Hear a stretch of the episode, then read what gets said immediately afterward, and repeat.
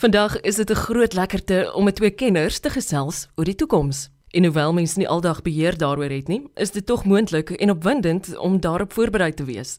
Dr Albert Strever van die fakulteit Landbouwetenskappe by die Universiteit Stellenbosch beskryf hoe die sogenaamde 2035 verslag lig werp op hoe landbouleer van die toekoms daar gaan uitsien. Ja, ek het eintlik teëgekom uh, op die verslag teëgekom Eloise toe ons um, ek het voorberei vir 'n lesing wat gegaan het oor plantteeling en om te kyk in die toekoms in bietjie wat die plantteelers en ook die bedryf in plantteeling nou in die gesig staar. En toe ek uh, half per, amper uh, per ongeluk op die verslag afgekom wat gaan oor die toekoms van werk in landbou. En ek het toe nou gesien ook is my kollegas by die besigheidskool wat hierdie verslag geskryf het en ek weet die instituut vir toekomsnavorsing doen altyd ongelooflike werk om te gaan kyk nou 'n bietjie wat die toekoms vir nie net landbou nie maar ook vir ander sektore inhou. Maar die hoofgoed wat ek uit die verslag uit gekry het wat vir my bietjie laat regop sit het was die feit dat uh, sagte en harde skills daai verskil tussen tussen vaardighede ek noem dit nou sommer besigheids- en lewensvaardighede wat ons gaan nodig hê in die toekoms ook in in landbou wat vir my duidelik uitgekom het in hulle verslag. En ek dink dis hoekom die verslag eintlik vir my relevant was. Ek werk meer op die kurrikulum en hoe ons die die opleiding in in landbou gaan gereed maak vir die vir die vierde industriële en die vyfde industriële revolusies wat kom. So die idee is dat ons gaan kyk na na die die werk van die toekoms en hoe dit gaan lyk, maar nie net die werk van die toekoms nie, ook die uh, algemene dienste wat in landbou gaan gaan voorkom en dan die werke wat daarmee gaan gepaard gaan. Ons weet in ander sektore is daar 'n uh, eh, klomp van die werktipes wat dalk nie eers meer gaan bestaan in die toekoms nie in 'n in 'n groot evolusie in in waar werktipes gaan gaan heen gaan met die 4de en 5de industriële revolusies wat kom. Maar ek dink wat hierdie uh, instituut vir toekomsnavorsingsstudie so interessant en relevant maak is dat dit in ons konteks geskryf is. Uh, as ek sê ons konteks, is dit nie net in die Suid-Afrikaanse konteks nie, maar ook in die landbou konteks in Suid-Afrika. Hoe dink jy gaan die werksomgewing verander in landbou? So ek het ek het verwys na hierdie soft skills wat hulle in Engels baie keer na verwys en en dit is aspekte soos stelseldenke, dis aspekte soos natuurlik tegnologie om met tegnologie te kan werk in jou werksplek, maar ook om tegnologie te kan gebruik om effektiwiteit te verbeter en ek dink daar sal baie gepraat oor die die vaardighede wat nodig is vir 'n nuwe inkomeling in die landboubedryf in terme van tegnologie. So ek dink tegnologie is die eerste ding wat ons wat ons sal moet mee mee werk as ons in in 'n nuwe werke ingaan. So daar kan dalk nuwe werke geskep word wat nie wat nie nou bestaan nie in landbou ook.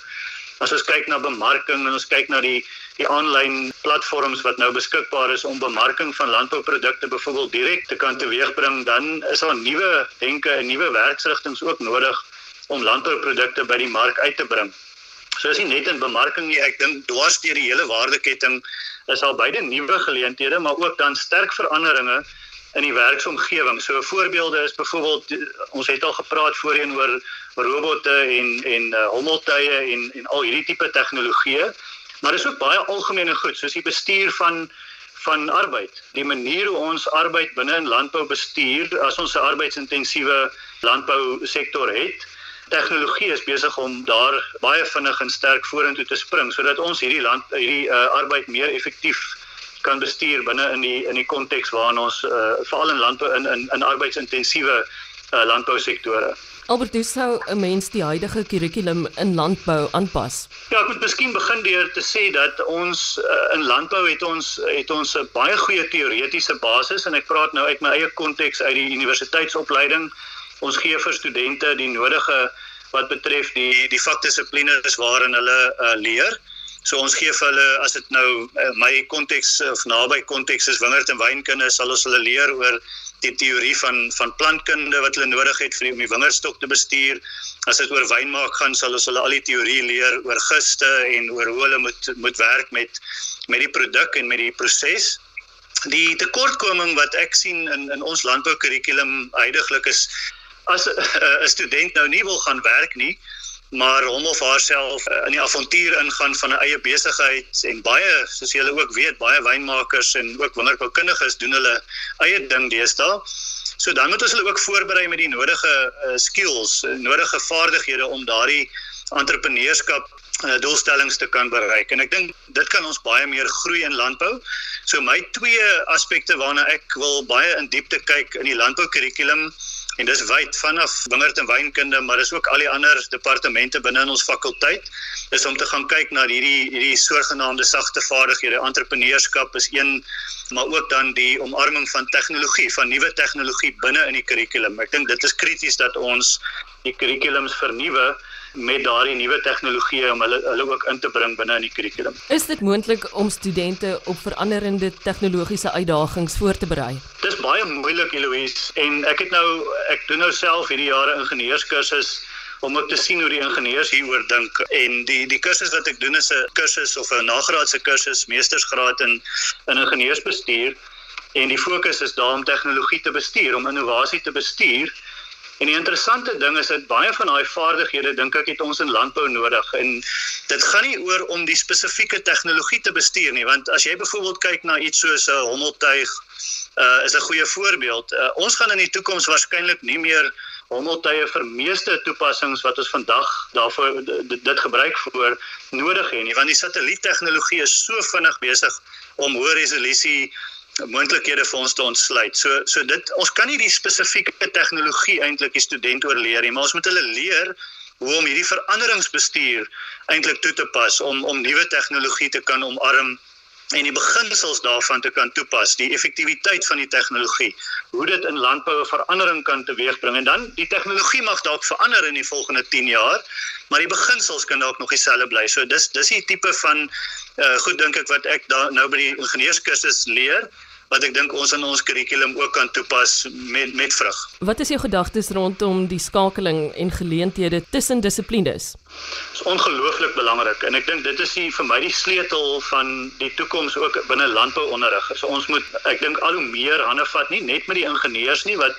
uh, ek het al voorheen op 'n op 'n forum ook gesê dat Ons het nie regtig 'n groot landbouingenieurswese fokus in Suid-Afrika nie. Daar's baie min. Ek dink daar's net een of twee universiteite wat wat daarna kyk na landbouingenieurswese. Ek weet uh, Vrystaat Universiteit kyk byvoorbeeld nou weer daarna. Dis krities om daai dissiplines, as ons nie 'n spesifieke landbouingenieurswese graad het nie, is om daai dissiplines nader aan mekaar te bring. En daar's verskeie maniere om dit te doen, maar maar dis nie net landbouingenieurswese. Hierdie uh, entrepreneurskap gedeelte wat ek wat ek ook na kyk belangrik dat ons praat met die ekonome in ons midde. Dit is belangrik dat ons praat met die mense wat besigheid ken, ons besigheidskole en om hulle ook nader te bring en en en ook agribesigheid ook uh, binne in ons kurrikulums in te bring. En dis iets wat ons as universiteit nou, ek dink baie mooi na kyk want ons het die geleentheid binne universiteit. Ons sit met al hierdie hierdie verskillende dissiplines en fakulteite binne in die universiteit. Ek dink hulle moet net nader aan mekaar beweeg ook wat die kurrikulums aanbetref. Wat is 'n voorbeeld van landbou-ingenieurswese?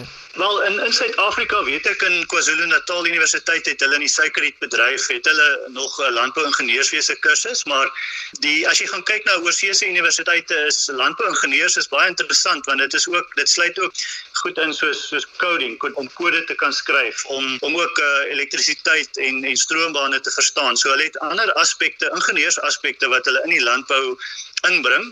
Ons um, in ons eie universiteit is dit nie dat dit nie bestaan nie. Ons bosbou studente byvoorbeeld doen ook um, van die ingenieursvakke binne in ons ingenieursfakulteit. So daar is oorvleeling alreeds daar omdat die bosboubedryf so sterk ingenieurs gedrewe is ook met die met die toerusting wat hulle gebruik om ook in in woude die die bos te te bestuur is dit al ba vir baie lank so in voedselwetenskap het ons ook studente wat met prosesingenieurswese baie, baie sterk skakel en ook vakke daar het Maar ek dink die formele aanbieding van landbouingenieurswese waar jy 'n student kan hê wat wat 'n kwalifikasie het in in landbouingenieurswese, dis iets wat ons nie in in Suid-Afrika regtig aanbied nie. En ek dink dit is waar ons miskien 'n bietjie tekort skiet want dis dis dan 'n formele situasie waar jy die die kursus eintlik meng en seker maak dat jy genoeg van van die teorie van landbou het, maar ook dan van die ingenieurswese aspekte inbring. Albert, ek dink mense besef nie aldag hoeveel wonderlike geleenthede en nuwe werksgeleenthede daar in landbou bestaan nie. Ja, dis baie waar. Ek dink um,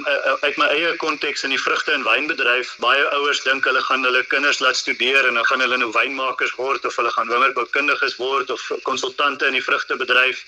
Nou kan jou sê as ons kyk na die alumni met wie ek skakel baie gereeld in die bedrywe, is dit ek ek ek staan verstom elke dag as ek hoor wat se tipe werke hulle wel doen en en hoe ver dit eintlik is van van die persepsie van baie studente en ouers wanneer hulle studente laat studeer by universiteit. So dit is eintlik ongelooflik en ek dink dis ook 'n 'n 'n beroep aan ouers wat ook hulle vir hulle kinders help om om loopbaanrigtings te gaan kies. Gaan kyk 'n bietjie, gaan praat 'n bietjie met die mense in die landboubedrywe en ook by universiteite wat sterk en naby aan hulle industrie is oor die geleenthede. Dit is eintlik ongelooflik. Ja, ek dink Eloise vir my is dit ehm, 'n um, opgewonde tyd in ons uh, in landbouopleiding. Ek dink ek het ook die kritiek gegee en gesê ons is eintlik nie in die status quo wat ons nou het, is ons eintlik nog nie gereed vir vir die toekoms nie en ek dink dit is ons ons ons is baie in landbou sê ons baie keer in die by die universiteite ook dat ons is um, al baie jare besig met landbou. Ek dink ons fakulteit is 'n goeie voorbeeld. Hy's al oor 100 jaar oud.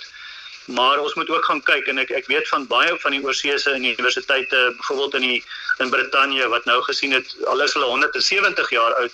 Hulle moet vernuwe. Hulle moet gaan kyk na uh, die kliënt en en ek dink my laaste opmerking is as as universiteite sal ons baie sterker moet fokus net soos in enige ander besigheid op die kliënt en wie is die kliënt uh, wat ons oplei? Dis die student, maar ook sekondêr is dit die werksplek, die mense in die industrie wat op die ou ene vir die student gaan werk gee. En ons sal moet uh, ek het ek's nou baie bekend met die met die konsep van customer discovery, né? Kliënt ontdekking om te gaan kyk wat wil die kliënt hê, maar wat ook wat wil die werksplek hê. En ek dink ons ons sal daardie roete sal ons baie sterk met aandag gee in landbouopleiding sodat ons seker maak dat die opleiding wat ons gee relevant is vir die toekoms in landbou.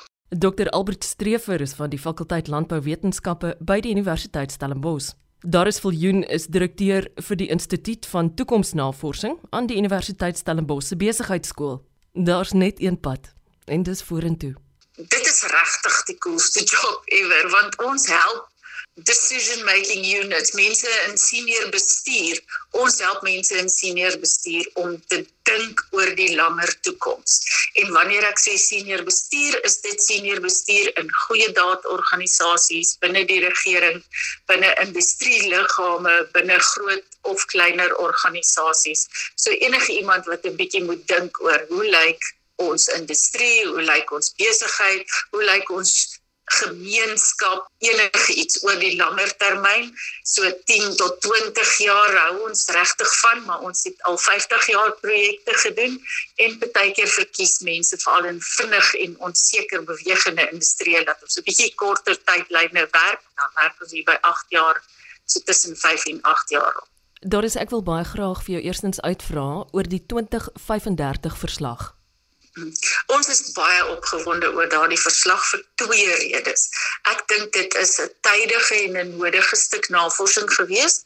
Landbou is so belangrik in Suid-Afrika dat dit nodig is om aandag daaraan te gee en te dink hoe kan dit ontwikkel en veral ekonomiese aktiwiteit binne in die sektor.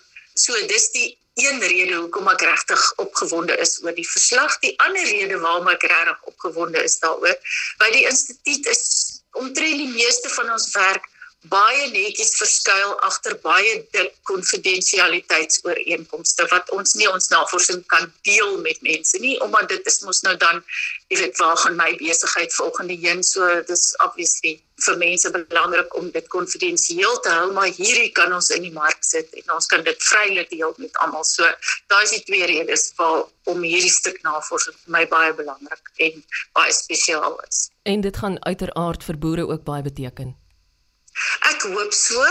Ons hoop dat dit vir die hele sektor dwars oor die waardekette baie sal beteken. Wanneer ons kyk na indiensneming, het ons 'n redelike klompie aandag na op die plaas en rondom die plaas tipe van indiensneming gegee, maar ons het ook op en af in die waardekette gekyk na die ander goed. Want wanneer ons na indiensneming kyk, sal tegnologie heel waarskynlik 'n redelike sterk invloed op die hoeveelheid aktiwiteite wat nog deur mense uitgevoer word op die plaas miskien sodanig beïnvloed dat ons moet kyk maar waartoe skuif die aktiwiteite wat mense verrig en daarom het ons 'n bietjie van 'n breër view gevat en gekyk waar in die waardeketting gaan indiensneming gebeur. Daar is Viljoen is direkteur vir die Instituut van Toekomsnavorsing aan die Universiteit Stellenbosch se Besigheidsskool.